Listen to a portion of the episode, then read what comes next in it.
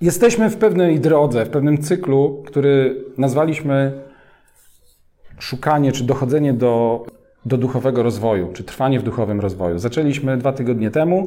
Tydzień temu Karol Michalak mówił genialne słowo na temat, na temat bycia w drodze, bycia w procesie rozwoju, bycia cały czas w takim miejscu dojrzewania jako pewnym procesie, żeby, żebyśmy, wiecie, patrzyli na siebie i na swoje życie w kategoriach tego, nie gdzie jesteśmy, w sensie miejsca, nie etapu, do jakiego doszliśmy, ale bycia w procesie dojrzewania.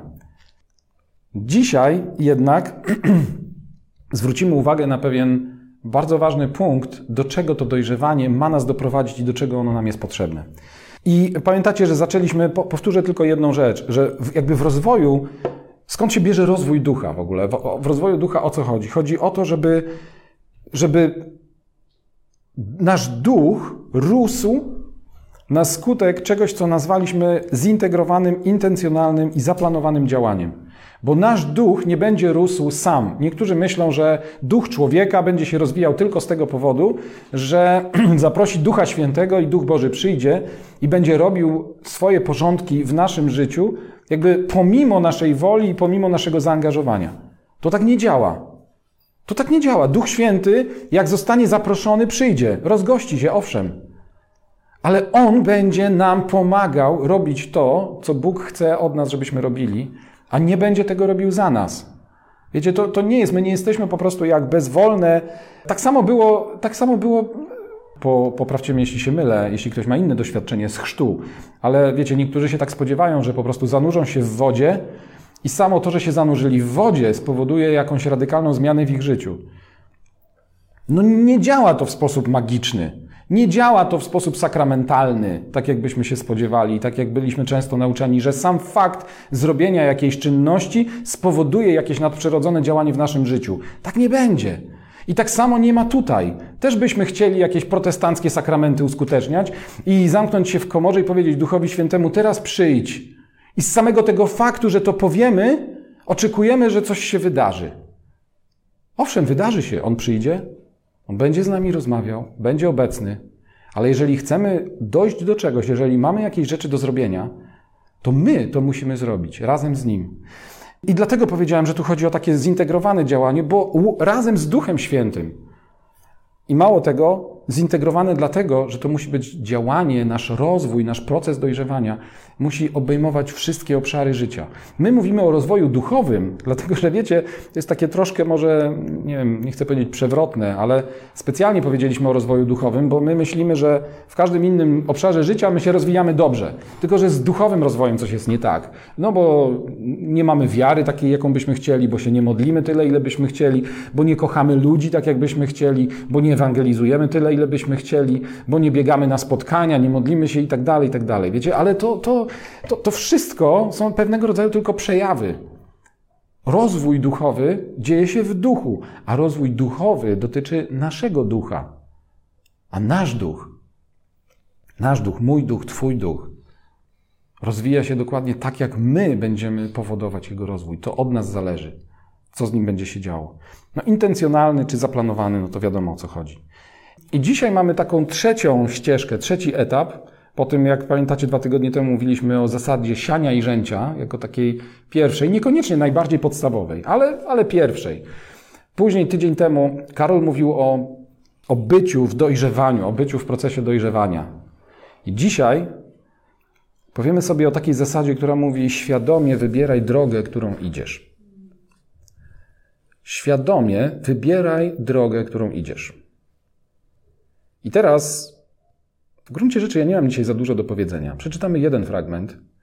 Z tego fragmentu zwrócę Wam uwagę później na jeden werset, a w tym jednym wersecie na jedno słowo, i wtedy stanie się jasny tytuł dzisiejszego spotkania dopiero. Więc słuchajcie, otwórzmy, ktokolwiek ma jakiekolwiek tłumaczenie, bo ten jeden werset przeczytam później w różnych tłumaczeniach, żeby, żebyśmy mogli wyłapać o co chodzi. Ale przeczytajmy z Łukasza, z Ewangelii Łukasza, Jakoś ostatnio, jeśli tak można powiedzieć, mojej ulubionej, Łukasza ósmy rozdział. Ósmy rozdział Łukasza to jest y, cała pierwsza część tego rozdziału, dotyczy tej całej opowieści o siewcy. Tak? Siewca wyszedł, żeby siać ziarno. Ale nie będziemy czytać od e, te, tego pierwszego opisu, jak Pan Jezus jakby mówi tą przypowieść. Przeczytamy to, co, to, co jest dalej w rozmowie Jezusa z jego uczniami, bo oni go pytają, dobra, ale słuchaj, co znaczy ta przypowieść? Nie? I on mówi do nich tak, Wam dano poznać tajemnicę, dziesiąty werset ósmego rozdziału, Królestwa Bożego, ale innym opowiada się w przypowieściach, aby patrząc nie widzieli, słysząc nie rozumieli. Jedenasty werset mówi tak, takie jest znaczenie przypowieści. I zaczyna wyjaśniać. Ziarnem jest Słowo Boże. Tymi przy drodze są ci, którzy słuchają. Potem przychodzi diabeł i zabiera słowo z ich serca, aby nie uwierzyli i nie zostali zbawieni. I wiecie, często jak czytamy tą przypowieść, to sobie od razu tak patrzymy, hmm, czy to czasem nie jestem ja. Ja nie wiem, ja dzisiaj nie, nie będę pomagał za bardzo nam się ulokować w tych grupach dzisiaj. To każdy rzeczywiście musi zrobić sam, ale przestrzegam przed jakby takim, wiecie, samopotępianiem się, biczowaniem i tak dalej. Jeżeli już ktoś chce to zrobić, to po prostu właśnie niech skorzysta z obecności Ducha Świętego w swoim życiu, niech zapyta Ducha Bożego i po prostu powiem, zapyta go i niech nam powie, tak? Niech, niech ci powie, gdzie, kim jesteś, jaką glebą jesteś. Stańmy odważnie i wiecie, zapytajmy, jak jest. A, ale sami nie wyrokujmy. I potem czytamy dalej. Trzynasty werset. A tymi na skalę są ci, no bo pamiętacie, tam było, że najpierw przy drodze, potem na skalę, potem e, między ciernie, a potem na glebę dobrą i, i tak dalej. Więc jakby to była oryginalna przypowieść. I teraz Jezus tłumaczy dalej. A tymi, którzy y, na skalę są ci, którzy gdy usłyszą, z radością przyjmują słowo, nie mają jednak korzenia, wierzą do czasu, a w chwili pokusy odstępują. Trzecia, y, jakby gleba, czternasty werset. To zaś, które padło między ciernie, to są ci, którzy słuchają słowa, ale odchodzą i przez troski, bogactwa i rozkosze życia zostają zagłuszeni i nie wydają owocu. I czwarta gleba, piętnasty werset. Lecz to, które padło na dobrą ziemię, to są ci, którzy szczerym i dobrym sercem usłyszeli słowo, zachowują je i wydają owoc w cierpliwości. Kilka miesięcy temu mówiliśmy o takich cechach ucznia. Nie wiem, czy ktoś jeszcze pamięta, pierwszą z nich była cierpliwość, wytrwałość. Tam sobie to wartościowaliśmy, więc zwracam uwagę, jeżeli ktoś sobie coś pisze i ma papierową wersję, to w tym, w te, na tej czwartej glebie wydają owoc nie w cierpliwości, tylko w wytrwałości. Tam sobie trzeba poprawić, bo to jest wytrwałość. Owoc się nie wydaje w cierpliwości, przez to, że po prostu siedzimy i nic nie robimy. I po prostu tylko łaskawie czekamy, a więc jesteśmy cierpliwi, a więc nie nosi nas no, w Brytyjce jest wytrwałość, w toruńskiej jest wytrwałość. Czasem UBG, bądźmy łaskawi, też, też się myli. Aha, nawet w tysiąc lat jest wytrwałość. No, no, no dobra. Ale jest jeszcze jedna rzecz, która według mnie jest trochę niekompletnie przetłumaczona właśnie w UBG, pomimo że czytałem teraz. Z UBG. To, na co chciałbym zwrócić dzisiaj uwagę, to jest ta trzecia gleba. Czyli to jest werset 14 i na wersecie 14 teraz się skupimy i przeczytam werset 14 jeszcze raz z UBG. To zaś, które padło między ciernie, to są ci, którzy słuchają słowa, ale odchodzą im przez troski, bogactwa i rozkosze życia, zostają zagłuszeni i nie wydają owocu. W Biblii Warszawskiej, czyli w Brytyjce, czytamy, a to, które padło między ciernie, oznacza tych, którzy usłyszeli, ale idąc drogą wśród trosk, bogactw i rozkoszy życia, ulegają, ulegają przyduszeniu i nie dochodzą do dojrzałości. I to jest właśnie ten werset, na który chciałem dzisiaj, żebyśmy zwrócili uwagę i żeby pozwolili, żebyśmy pozwolili mu, jakby wiecie, dostać się do nas.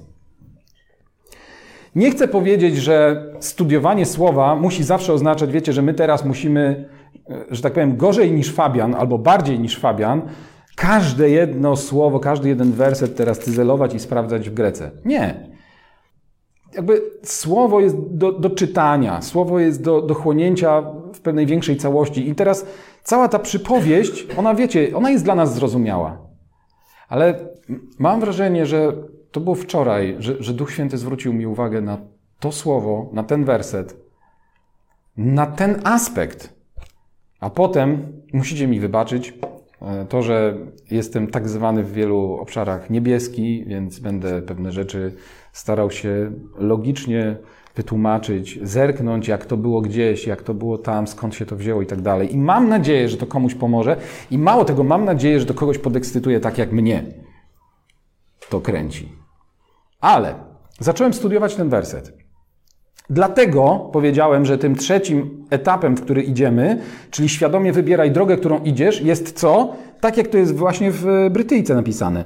To, które padło między ciernie, oznacza tych, którzy usłyszeli, ale idąc drogą wśród trosk, bogactw i rozkoszy życia. Od kogo zależy droga, którą idziesz?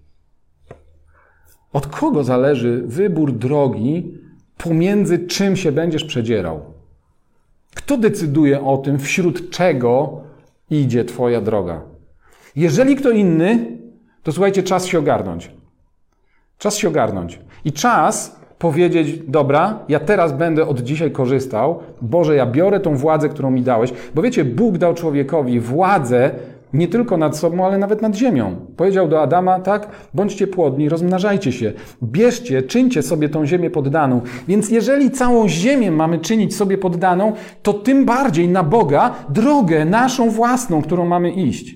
Więc nie mówmy, że ktoś inny wybiera nam drogę, którą idziemy. Więc nie mówmy, że to świat nam podsuwa troski. Więc nie mówmy, że to świat nam podsuwa zmartwienia. Nie mówmy, że świat nam podsuwa ułudę bogactwa i że świat nas mami swoimi rozkoszami.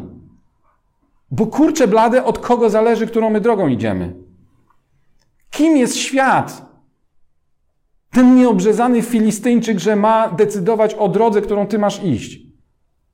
Trochę parafrazując Dawida. Kim są inni ludzie, że mają decydować o Twojej drodze? Kim są jacyś politycy, którzy mają decydować o tym, czy się martwisz, czy nie? Kiedy Ty masz Ojca w niebie, kto ma decydować o tym? Wiecie, to, to, jest, to jest główne przesłanie. Ale powiedziałem, że skupimy się na pewnym jednym wersecie i zaraz wrócimy do, do tytułu. I myślę sobie, że y, możemy y, jakby my pamiętać tę bajkę, program telewizyjny. Ale więc jesteśmy w wersecie 14. Liga biblijna, teraz zwróćcie uwagę, Liga biblijna mówi tak: ziarno między cierniami oznacza tych z kolei, którzy wprawdzie usłyszeli, lecz gdy idą przez życie, to, to jest właśnie ważny element, przez życie troski, bogactwo i przyjemności stopniowo tłamszą ich wzrost i nie dojrzewają. UBG czytaliśmy, toruńskie tłumaczenie mówi, a to, które padło między ciernie, to ci, którzy słuchają słowa, ale idąc, są zaduszeni przez troski i bogactwa oraz przyjemności życia i nie dochodzą do dojrzałości. I teraz, e, no teraz czas na tą Grekę. Słuchajcie, otworzyłem ten werset e, w oryginale, w Grece i czytam. Jakby tłumaczenie, mm, e, tłumaczenie takie mm, bezpośrednio jakby angielskie tego ostatniego e, fragmentu, że nie dochodzą do dojrzałości. A więc nie dochodzą do jakiegoś punktu, jednak, do jakiegoś miejsca, jednak. Wiecie, pamiętacie? Karol mówił o tym, ważne jest, żeby być w procesie dojrzałości. To jest absolutnie amen. Ale jednak on mówi, żeby dojść do jakiegoś miejsca, że jest jakiś punkt, w którym możemy powiedzieć, tak, to jest jakiś rodzaj mety, to jest jakiś rodzaj etapu, to jest jakiś stan, który można powiedzieć, jest tym stanem docelowym albo nie. I jak zobaczyłem to, co tam jest napisane, to po angielsku ten ostatni fragment, nie dochodzą do dojrzałości, jest przetłumaczony z oryginału, z greki. Nie będę czytał po grecku, ale w Grece jest jest takie słowo, które mówi bring fruit into perfection. Czyli nie dochodzą do, do wydoskonalenia owocu. Nie do, nie da, nie, ten owoc nie jest doskonały. I słuchajcie, ja patrzę, co tam jest w Grece, a tam jest, jakby trochę parafrazując po polsku, mówi, ten, ten, tam jest użyty bardzo dziwny czasownik że ci, którzy idą tą drogą i którzy przez troski, bogactwa i rozkosze życia zostają zagłuszeni i uwaga, nie telesforeo. Oni nie telesforeo. Pora na telesfora. Oni, i, i no, myślę sobie po prostu, nie wierzę własnym oczom. O co chodzi? Telesfor to była jedna z moich ulubionych postaci, oczywiście, w latach 70. Nie wszyscy wiedzą, że w jednej z moich prac y, w Łodzi, pozdrawiam Łódź i moją pracę w Łodzi, tam kiedyś mieliśmy takie kwiatki, jak się zmienialiśmy lokalizację, więc y, kwiatek po prostu na biurku każdy ma. Taki, on był taki patyczak, który w zasadzie go nie, nie, był, nie sposób go było, że tak powiem, zasuszyć, zarżnąć. Od razu powiem, że mój usechł, ale pod choinkę dostałem w domu nowego. I słuchajcie, tam wtedy, jak te kwiatki dostawaliśmy, dostaliśmy też takie tabliczki, takie jakby tablica taka czarna i tam taki pisak każdy tam miał i każdy musiał sobie nazwać tego swojego. I nam różnie nazywali. I słuchajcie, to było 4 lata temu. Ja ten kwiatek nazwałem telesfor. Więc mam swojego telesfora w pracy, teraz mam nowego telesfora. Co tydzień, jak teraz jeżdżę, jest raport, jak się miewa telesfor. Tak, pierwsze listki mu opadły, temu nowemu już. Ale jest, jest bestia wytrzymała, teraz ma już nowe i naprawdę troszczę się o niego. Wiecie, nie wiem dlaczego tak go do końca nazwałem. No po prostu to jedna z moich ulubionych postaci. Ale rozumiecie moje zdziwienie, jak po prostu otwieram grecką Biblię i widzę słowo, że ci, którzy przedzierają się przez troski, przez um, ułudę bogactwa i przez rozkosze tego życia, oni nie telesforeo. No więc teraz, co to telesforeo znaczy tak naprawdę w istocie? To jest słowo, które mówi o dochodzeniu do dojrzałości lub do doskonałości w takich trzech aspektach. Opisowo, to Strong to opisuje. Mówi to o owocu, a więc o dojrzewaniu owocu do momentu, kiedy jest gotowy, żeby go zerwać i zjeść. Mówi o kobiecie ciężarnej, która nosi w sobie dziecko do momentu, w którym to dziecko jest gotowe, żeby mogło się urodzić. I mówi o zwierzętach, które, głównie tych, które trzymają w gnieździe na przykład swoje młode. E, I mówi o momencie, kiedy młode są dojrzałe na tyle, żeby je wypuścić z gniazda. To jest telesforeo. To jest dochodzenie do dojrzałości, żeby wydać owoc. Wiecie, to jest po prostu niezwykły czasownik, bo on pokazuje, i, dlatego i po angielsku, i po polsku, zauważcie, jest różnie tłumaczony, różnie sobie z tym wszyscy radzą. Niektórzy mówią, że po prostu, no tak jak WBG, nie wydają owocu, inni, że nie dochodzą do dojrzałości, ale my musimy zrozumieć, że tu chodzi o to, że jeżeli na swojej drodze nie będziesz uważał i będziesz swoją drogę prowadził wśród trosk, wśród ułudy bogactwa i wśród rozkoszy tego życia, to jest ryzyko, że Twoje życie nie będzie telesforeo, czyli nie będzie dojrzewać do miejsca, w którym będzie w stanie wydać owoc. Czy to nie jest wow? Słuchajcie, czy to nie jest. Za chwilę jeszcze, wiecie, powiemy w ogóle o co chodzi z tym owocem, nie? bo to, bo to, to, to nie, nie wszystko jakby sprowadza się tylko do tego dojrzewania, ale to jest fragment, który nam mówi, że w dojrzewaniu nie chodzi jednak tylko o samo dojrzewanie, że w rośnięciu, że w rozwoju nie chodzi tylko o sam rozwój, ale chodzi o punkt, o moment, w którym jesteśmy gotowi, żeby urodzić, żeby wydać owoc, żeby wypuścić z gniazda coś, co będzie mogło żyć swoim samodzielnym życiem już dalej. I to jest mega, bo to jest powołanie dla każdego z nas. Cokolwiek byśmy nie mieli do roboty tutaj na świecie, to dzisiaj osobiście Jezus nam mówi w tej przypowieści, na każdą glebę pada ziarno. I teraz od nas zależy, jaką glebą jesteśmy, ale jeżeli jesteśmy glebą trzecią, to musimy pamiętać o tym, że jeżeli, wiecie, nie będziemy czujni, jeżeli nie, nie przypilnujemy tego, żeby nasze życie nie przebiegało wśród trosk, wśród ułudy bogactwa i wśród e, pokus i rozkoszy tego życia i tego świata, jeżeli to nie, nie, nie przypilnujemy, żeby to nie były rzeczy, które nas będą kręcić i motywować, to stanie się rzecz straszna. Nie dojrzejemy do wydania owocu. Albo jeszcze inaczej, owoc w nas nie dojrzeje. I tak niestety żyje i wygląda, i nie chodzi o to, żeby komuś cokolwiek wypominać.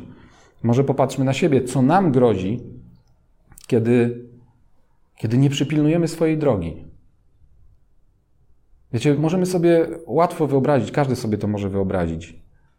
Jakiś owoc, nie wiem, takie nie do końca dojrzałe, a już ostatecznie pomarszczone i zmarznięte jakieś jabłka, które gdzieś tam zostały w sadzie. Niedojrzałe. Możemy sobie wyobrazić zupełnie, zupełnie hipotetycznie bo pewnie fizjologicznie to nie jest możliwe, ale matkę, która po prostu 9 i 10 i 12 i 15 i 20 miesięcy nosi w sobie już jakiś właśnie nieżywy, pomarszczony płód, który po prostu nie przetrwał, ale dalej go nosi. Możemy sobie wyobrazić, wiecie, jakieś gniazdo pełne przerośniętych, a to, to nie musimy sobie bardzo wyobrazić, musimy sobie jakąś włoską rodzinę wyobrazić, tak? Mamusie z dwoma pięćdziesięcioletnimi synami na przykład, nie? Albo trzema, przepraszam, Włochów wszystkich, bo w Polsce się to też pewnie zdarza. Nie, nieuwolnionych z gniazda, po prostu. I, i, I dalej niesamodzielnych. Których dramat zacznie się wtedy, kiedy tej mamusi zabraknie. Więc jakby wiecie, wyobrażać sobie to możemy na wiele sposobów, ale to wszystko sprowadza się do jednego. Jeżeli nie przypilnujemy swojej drogi, to nie będziemy telesforeo. Owoce, które są w nas i które dojrzewają wraz z rozwojem, nie będą uwolnione na zewnątrz, nie, nie, przy, nie przyniesiemy owocu. Co zrobić, żeby nie znaleźć się w takim miejscu, wiecie, bezowocności, Celowo oczywiście posprawdzałem w innych, e, w innych e, na przykład Ewangeliach, bo cała ta przypowieść jest bardzo wiernie też powtórzona przez Mateusza. No ale tam nie ma tego słowa. W ogóle to jest bardzo ciekawa rzecz. Chyba pierwszy raz mi się zdarza aż tak bardzo zwracać uwagę na jakieś jedno pojedyncze słowo, które w całej Biblii występuje jeden raz. Jeden raz w greckim Nowym Testamencie pojawia się słowo telesforeo akurat i myśmy na nie trafili, namierzyli i zaczynamy je trochę rozumieć. Nawet u Mateusza tam się pojawia inne, tam się pojawia bezowocność po prostu. Trochę o to chodzi, no, ale jednak tu chodzi o ten proces dojrzewania, który nie doprowadza do wydania owocu. Który doprowadza, jeśli jest. Więc telesforeo to jest tak, to jest właściwy proces. A jeżeli nie, no to go nie ma. Więc jak to, co zrobić, żeby się nie znaleźć w takim miejscu bezowocności? To jest właśnie recepta w tym wersecie. Bardzo prosto. Idąc przez życie, po prostu unikaj trosk. Unikaj pogoni za bogactwem, unikaj szukania rozkoszy życia. To są takie postawy i zachowania, które powstrzymują w nas rozwój owocu i, i takie to dorastanie płodu do, do, do porodu. Więc jeżeli nie chcemy zabić tego płodu w sobie, jeżeli nie chcemy zasuszyć i, i wiecie, unieczynnić owocu, to musimy tych rzeczy unikać. I znowu, jak to zrobić, żeby to unikać? Dzisiaj możemy się, co dzisiaj możemy zrobić? Możemy się przyjrzeć, myślę, że trzem, rzecz, trzem, trzem rzeczom. Myślom, swoim myślom. O czym myślimy? Czy, czy, czy nie jest tak, że całe nasze, wiecie, jak jesteśmy sami, czy, czy cały nasz czas nie wypełniają troski, nie wypełniają zmartwienia, nie wypełnia. Ja wiem, że są różne okoliczności, różne y, warunki życia. I, I to nie jest tak, że ja mówię, żeby na przykład, nie wiem, nie zajmować się i nie myśleć o wojnie. Nie da się nie myśleć o wojnie, tak? Bo mamy wojnę. Jesteśmy w czasie wojny, więc nie da się o niej nie myśleć. Pytanie jest, jak o niej myślimy? Czy pozwalamy, żeby wojna spowodowała w nas takie zamartwienie, taki stres, taką depresję, taki lęk, że nic nie widzimy poza tym? I moja nowina, moja, nie żadna moja, Jezusa, tutaj, który On to mówi, jest, on jest, wiecie, to jest, to jest bardzo proste, on jest w tym w pewien sposób bezlitosny.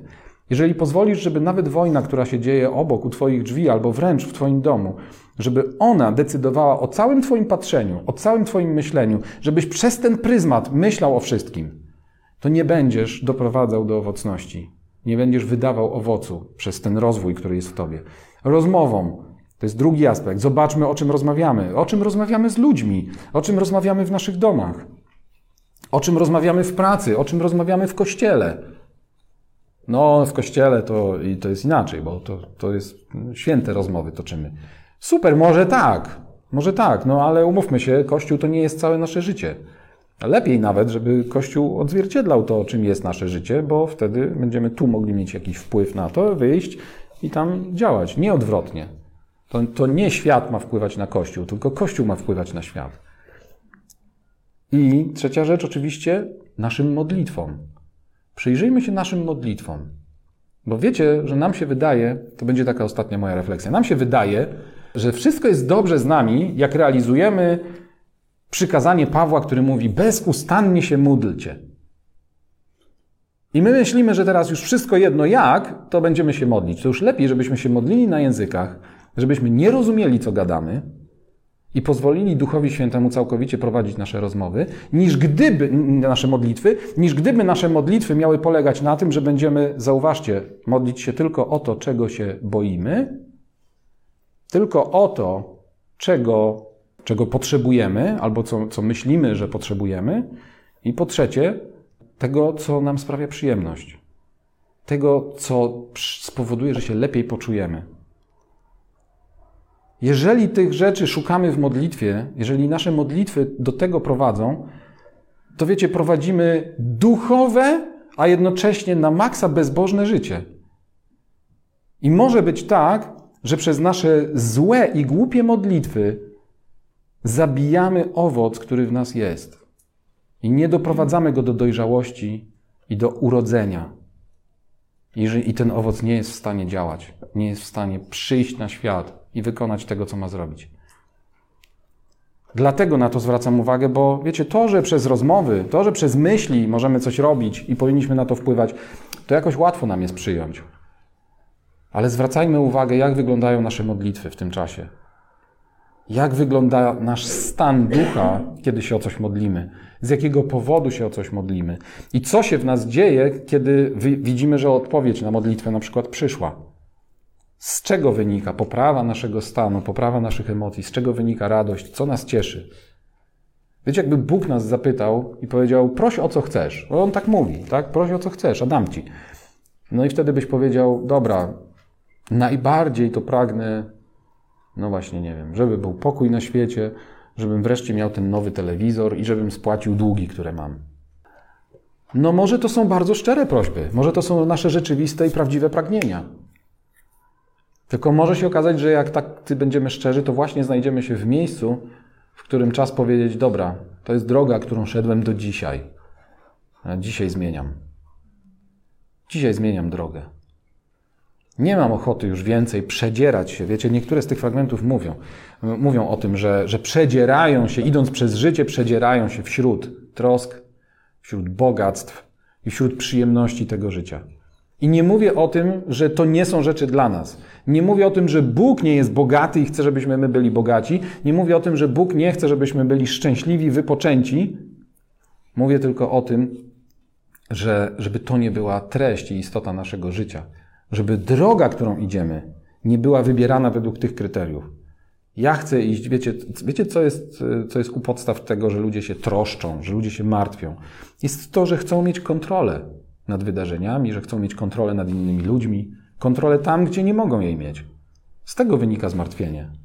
Zauważcie, bardzo często martwimy się tym, na co nie mamy kompletnie wpływu. Dlatego, że jeżeli na coś mamy wpływ, to w którymś momencie włącza się nam, ok, no to skoro jest tak źle, to co mogę zrobić, żeby było lepiej?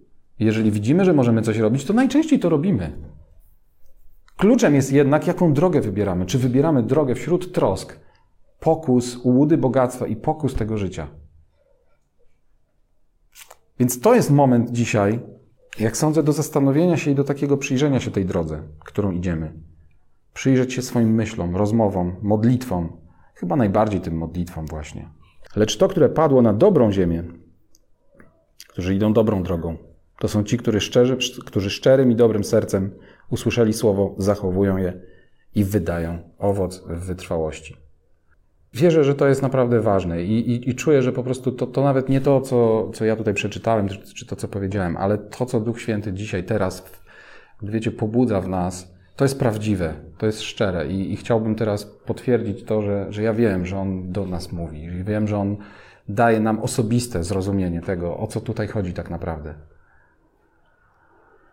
I przede wszystkim każdemu z nas osobiście będzie dawał poznanie tego, czym jest owoc, czym jest ten płód, czym jest ta ciąża, którą nosisz.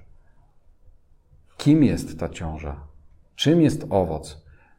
Na czym polega, jak ma wyglądać to ten pisklak, którego być może teraz wychowujesz w swoim gnieździe, jak on ma wyglądać, żeby być gotowym, żeby odlecieć samodzielnie.